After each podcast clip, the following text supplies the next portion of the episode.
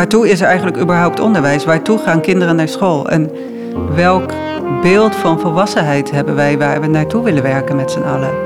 En wat vraagt dat dan van ons? Ja, in mijn ogen kunnen we niet heen om de vraag waartoe we doen in het onderwijs wat we doen. Die vraag krijgt in mijn ogen veel te weinig aandacht.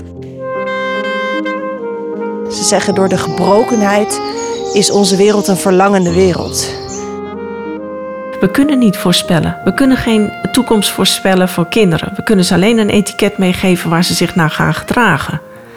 En dan lijkt het alsof we goede voorspellingen doen, omdat ze waargemaakt worden. Maar de vraag is, als we ze andere etiketjes hadden gegeven, of er niet hele andere uitkomsten zouden zijn. Want als je teruggaat naar de vraag, waartoe dient ons onderwijs? Ja, dat is een hele goede vraag. En dat maakt ook dat de validiteit van de eindtoets... Uh, dat dat een hele lastige vraag is. Want als je zou zeggen, wat is het doel van onderwijs? Dan zou je van een toets kunnen zeggen, brengt het dat doel dichterbij of brengt het dat doel verder weg? Dat is eigenlijk de validiteitsvraag die je onder deze toets zou moeten kunnen leggen. Maar als wij met z'n allen geen doel hebben van waartoe dient het onderwijs, dan is het heel lastig om ook de vraag naar de waarde van de eindtoets te kunnen beantwoorden. Dus ook dat is een stukje van de puzzel. Dat wij met elkaar in Nederland niet helder hebben waartoe het onderwijs dient. De stevige basis in het onderwijs een basis is van lezen, schrijven, rekenen. Dat is natuurlijk, dat snappen we met z'n allen, dat dat niet een basis is. Een basis is jouw leef- en leervaardigheden voor je leven. Zeg maar. De basis ben jij als mens. Ik denk dat het gaat over samen mens zijn in essentie. En daar toch steeds weer bij terug durven komen, hoe moeilijk dat soms ook is. En ik vind nog steeds, eh, als ik me met pedagogiek bezig hou, vind ik dat een van de interessantste eh, zaken eigenlijk. Dat hele normatieve aspect. Wat wil de huidige generatie eigenlijk met haar kinderen? Waar, waar staat die generatie voor? En wat vindt ze van belang om over te dragen? Wat heb ik hier te doen als opvoeder, als leraar? Wat kan ik hier doen? Omdat dat voor mij een belangrijke pedagogische vraag is. Dus als ik hoor dat mensen zeggen, ja, in het onderwijs moeten kinderen kunnen worden wie ze willen zijn, dan denk ik levensgevaarlijk. Kunst, vrijheid en spel hebben enorm veel met elkaar te maken. En mijn stelling is dat daar worden wij mensen in. En het rare is, in het onderwijs lijkt het wel of we heel erg ons best doen om dat uit te zetten. Of in ieder geval te denken, het is niet belangrijk. Het onderwijs is er eigenlijk helemaal op gericht om over te dragen aan leerlingen dat wat we al weten en dat wat we al kunnen. Maar er is heel weinig ruimte om als het ware opening te creëren om ja, nieuwe kennis en nieuwe ideeën en nieuwe vaardigheden te laten ontstaan. Echt, echt nieuw. Dus die ook voor docenten nieuw zijn, voor leerkrachten nieuw zijn. 50% hebben we nodig van onze beroepsbevolking om op MBO-niveau opgeleid te zijn. Dus zo kan je dat sturen. dus eigenlijk hebben we gewoon een, een shoebak bedacht. Zoveel procent zitten daar, zoveel procent zitten daar. En zoveel procent zitten, zitten daar. En daar doen we een toets op. En dan op basis van die uitslag van die toets kom jij in dat gleufje van die shoebak. Ja, het is een gesofisticeerde manier van, uh, van managen van aantallen en verdelen. Ja. Ja, en je kan daar dus ook anders in besluiten. Ik bedoel, als wij nu besluiten van uh, we hebben niet uh, 20% universitair gescholden nodig, maar 50%, ja, dan zet je de schuif wat verder open.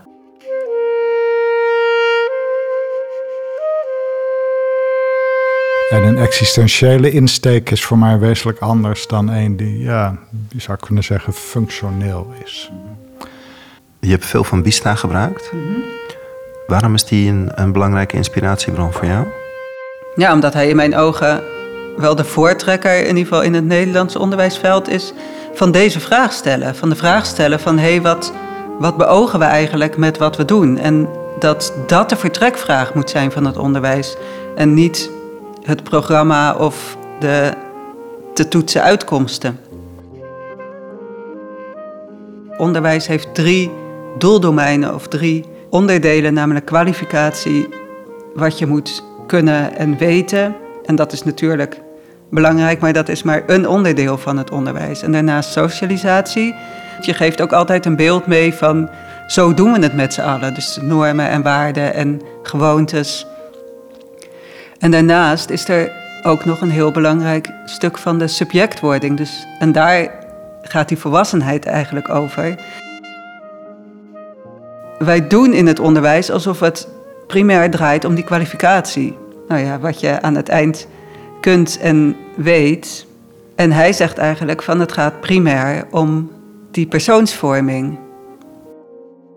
Die claim is dat de mens een, een wezen is dat onderwezen kan worden. Een wezen dat aangesproken kan worden. Als we niet een plek vinden voor de vraag, is dat wat ik wil doen, is dat ook wat ik moet doen? En die vraag, ja, zit eigenlijk steeds in, in veel van wat ik lees en wat ik langskom. Omdat dat voor mij een belangrijke pedagogische vraag is. Dus als ik hoor dat mensen zeggen, ja, in het onderwijs moeten kinderen kunnen worden wie ze willen zijn, dan denk ik levensgevaarlijk. Uh, want er zitten ook kanten aan dat willen zijn. Ja, dat, dat zien we in onze geschiedenis. Die desastreus zijn. Ja, we moeten kinderen helpen met het onderzoeken van wat er allemaal in zit en, en wat van waarde is.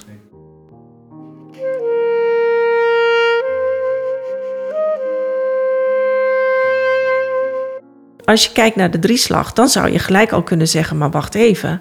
Die drieslag, daar wordt maar één heel klein stukje, namelijk het kwalificerende uh, aspect. Dat wordt voor een heel klein stukje gedekt met de eindtoets. Maar wat is de eindtoets dan? Is het nou een, de stand opmaken van het basisonderwijs of is het nou een selectieinstrument?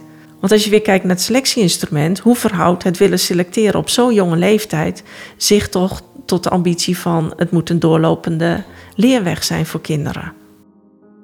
En dat doen we ook in het onderwijs eigenlijk. Van in toenemende mate zijn we ook kinderen gaan benaderen als de natuur die gesnoeid moet worden. En zeggen, die hecht moet gesnoeid worden, want anders raakt hij misvormd en zo.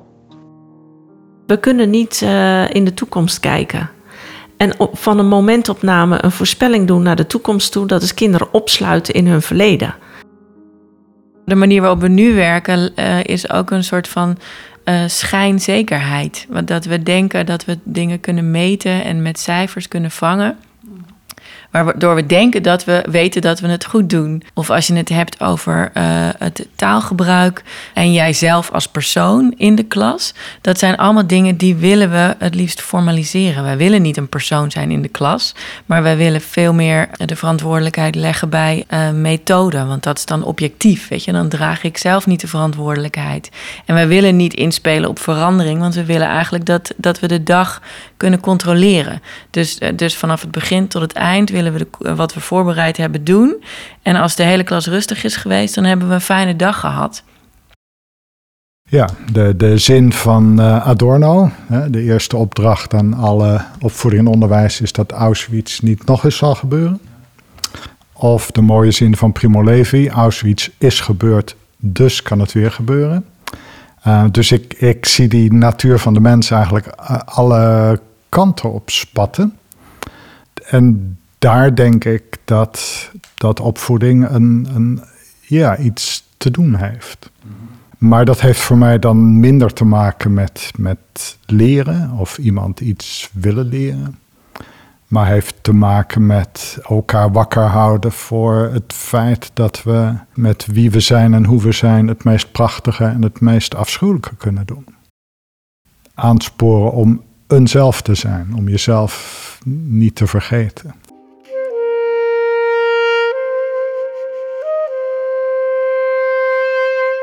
Je zult de zin moeten ontlenen aan het leven dat je leeft met je leerlingen en waar je ze naartoe wil brengen.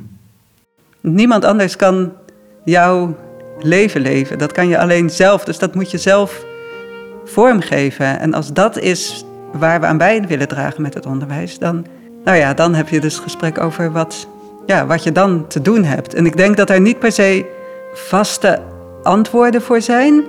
Maar dat misschien wel in eerste instantie vooral het bewustzijn daarvan en het gesprek daar telkens opnieuw over relevant is. Eigenlijk waar het over gaat is dat je je realiseert dat het nooit klaar is. Dat er niet een definitieve antwoord is. Dat er niet een definitieve oplossing is of één goede wijze is, maar dat de wereld bestaat uit miljoenen, miljarden Googleplexion, goede antwoorden, mogelijke antwoorden, perspectieven en mogelijkheden. En dat dat niet betekent dat je daarin hoeft te verdwalen. Maar dat dat van je vraagt om daar heel sterk je eigen koers in te gaan zoeken. En daar je eigen ideeën, je eigen gedachten en je eigen perspectief op moet ontwikkelen. Als uh, leerkracht, wanneer weet je dan of je het goede doet? Nou, dat weet je niet. Nee. Nee, het goede zit in het zoekende. Dus het, je weet het niet, maar dat je het je afvraagt: heb ik daar nou goed aan gedaan? Dat, dat, dat, is, dat vind ik wel een teken van professionaliteit.